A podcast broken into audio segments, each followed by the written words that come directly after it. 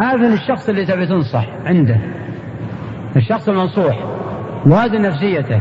سيحدث من مفسدة ولا مصلحة؟ ثالثا إذا كان ولي أمر اشترط صلاح نيتك أيضا. إذا كنت تنصح أمير أو رئيس محكمة أو أحد يعني مسؤول مسؤولية تسريره يشترط نصح النية. إذا كان المواجهة اشترط لها العلماء نصح سلامة النية. فما رأيك بالكلام الذي هو بنصح الذي هو تشنيع؟ من الجانب الأول ولا الجانب الثاني؟ اسألوا مثل ما سأل الأوائل. اللي قال هذا ابن النحاس في تنبيه الغافلين القرن الثامن. قال فإن قيل كيف يعرف الناصح نيته أن نيته زينة؟ قال يعرف من نفسه أنه إذا نصح الأمير وخرج أنه لا يتحدث بأنه نصح.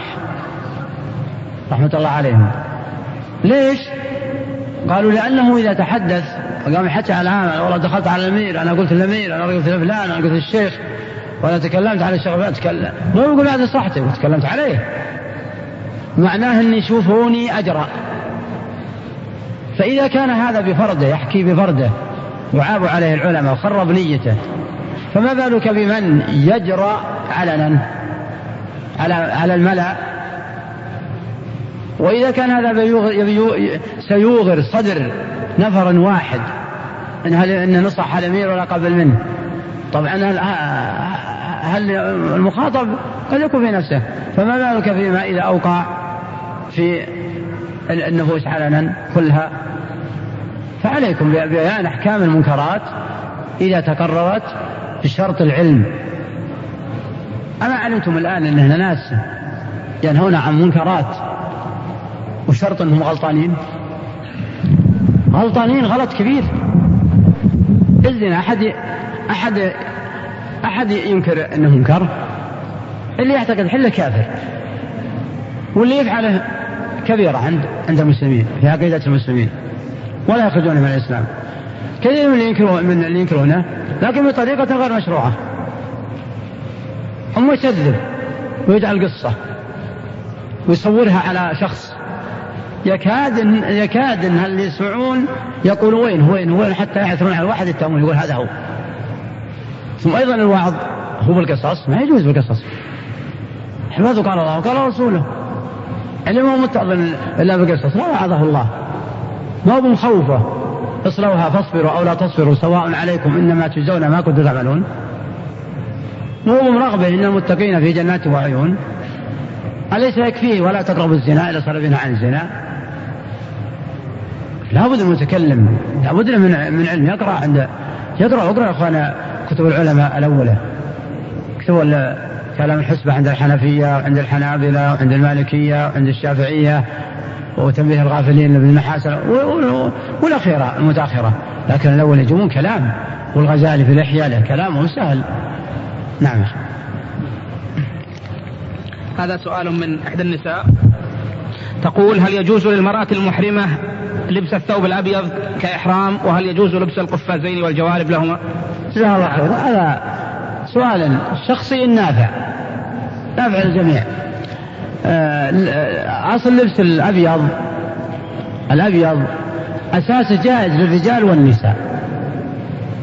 في الإحرام أو غير الإحرام هذا الأبيض. لكن النساء في مجتمعنا اشتهرت بغير الأبيض لأجل الزي يختلف عن مشابهة الرجال. لكن لو لبست ثوب أبيض وخالفت به هيئة الرجال ما نقول حرام لأجل أنه أبيض. لا نقول إن شابه الرجال لا يجوز. وإذا خالفت الهيئة هيئة لبس الرجل لفت نفسه بأبيض أو نحو ذلك أو جعلتها على هيئة عبات أو على آه، هيئة ما تشابه الرجل ما في شيء ما في شيء. أما من حيث القفازين اللي هو لبس اليدين القفازين على اليدين لا تلبس لا تلبسه إذا أحرمت. إذا عقدت النية وقالت لبيك حجة أو لبيك عمرة تخلع القفازين قبل قبل تعقد الإحرام بالحج أو العمرة حتى تنهي حجها أو عمرتها. وليس معنى هذا أنها تبقي يديها للرجال ولكن تلفها بردائها بعباتها ونحو ذلك. وإنما القفازان نهي عنهما لأنهما مخيطان لليدين. كالبرقة مخيط على صفة الوجه على صفة العضو. وأمكن تغطية الوجه واليدين بغير مخيط كالشيلة والعباية والخمار ونحو ذلك. وأما الرجل فنهي عن السروال والفنيل لأنها مخيط لكن يعوض عنها عن الثوب والسروال والفنيلة الرداء والإزار لأن المقصود ستر العورة. ورأسه ويديه ذرعانه و آه، ساقاه ليس ليس بعورة. من المرأة عورة. فلهذا أمرت أن تتستر بالثياب المعتادة إلا الوجه وجهها فإنها لا تلبس عليه الورقة ولكن تستره إذا خشيت نظر الرجال بطرف ردائها وهكذا يداها. نعم. نحن أخوات المسلمات ندعو قومنا بالأمر بالمعروف ندعو قومنا بالأمر بالمعروف والنهي عن المنكر ونحن حافظات لكتاب الله. ونقوم بشرح الآيات الواضحات فهل علينا إثم في ذلك؟ آه شكر الله لكن على تحفيظك للقرآن هذا باتفاق. وتحفيظ وحفظ آيات بإتقان ثم تذهبين تحفظين غير هذا من أكبر المعروف. هذا من أكبر المعروف. ويا ليت كثير ممن تسمى بالدعوة من رجال ونساء كرسوا جهودهم على هذه النقطة. تدريس قرآن وتحفيظ أحاديث وتحفيظ لغة عربية وكلام علماء. من العلماء السابقين. يا ليت هذا. هذا من أكبر الأمر المعروف والنهي عن المنكر. أما قولك أمر والنهي عن المنكر ما أقدر أقول أنت مصيبة أنت مصيبة أو مخطئة. لأني لأن الأمر بالمعروف والنهي عن المنكر اسمعوا يا إخوان أنتم والأخوات جميعا. مبدأ الأمر بالمعروف والنهي عن المنكر ليس مختلف فيه. في نص القرآن والسنة وأنه لا تقوم أمة إسلامية ولا مجتمع إسلامي إلا به. لكن لكن الخلاف في الطريقة والشروط للآمر بالمعروف والنهي عن المنكر اجتمعت أم لا؟ فخف اتق الله يا أيها المسلم والمسلمة. لا تظن انك تأمر بالمعروف وأنت تأمر بالمنكر ولا تظن انك تنهى عن منكر وأنت تنهى عن معروف. ما العلاج؟ العلاج التعلم. اعرف أولا المعروف ثم أمر به. واعرف المنكر ثم انهى عنه. إذا أردت الأمر بالنهي عن المنكر فاعرف الطريقة. اعرف الطريقة لأن الطريقة تحتاجها في كل مقام. المنكر واحد لكن قد تحتاج الطريقة في عشرين مقام. كل واحد له طريقة. ففرقا بين المنكر مع إنسان عاجل وفرق بين إنسان لك عليه ولاية. وفرق كون المنكر من واحد أرفع منك درجة في ال في ال في الوظيفة مثلا في الإدارية. في الإدارية. فرق بين الأمر هذا والأمر هذا. هذا إذا عرفت أنه منكر. عرفت أنه منكر. تعرف الطريقة وهكذا المعروف. أولا نعرف المعروف هو معروف واجب ترك به كفر ولا معروف واجب تركه به معصية ولا معروف سنة ولا معروف مباح كمان واحد. مثل المنكر هو منكر شرك ولا منكر نفاق ولا منكر معصية كبيرة ولا معصية صغيرة.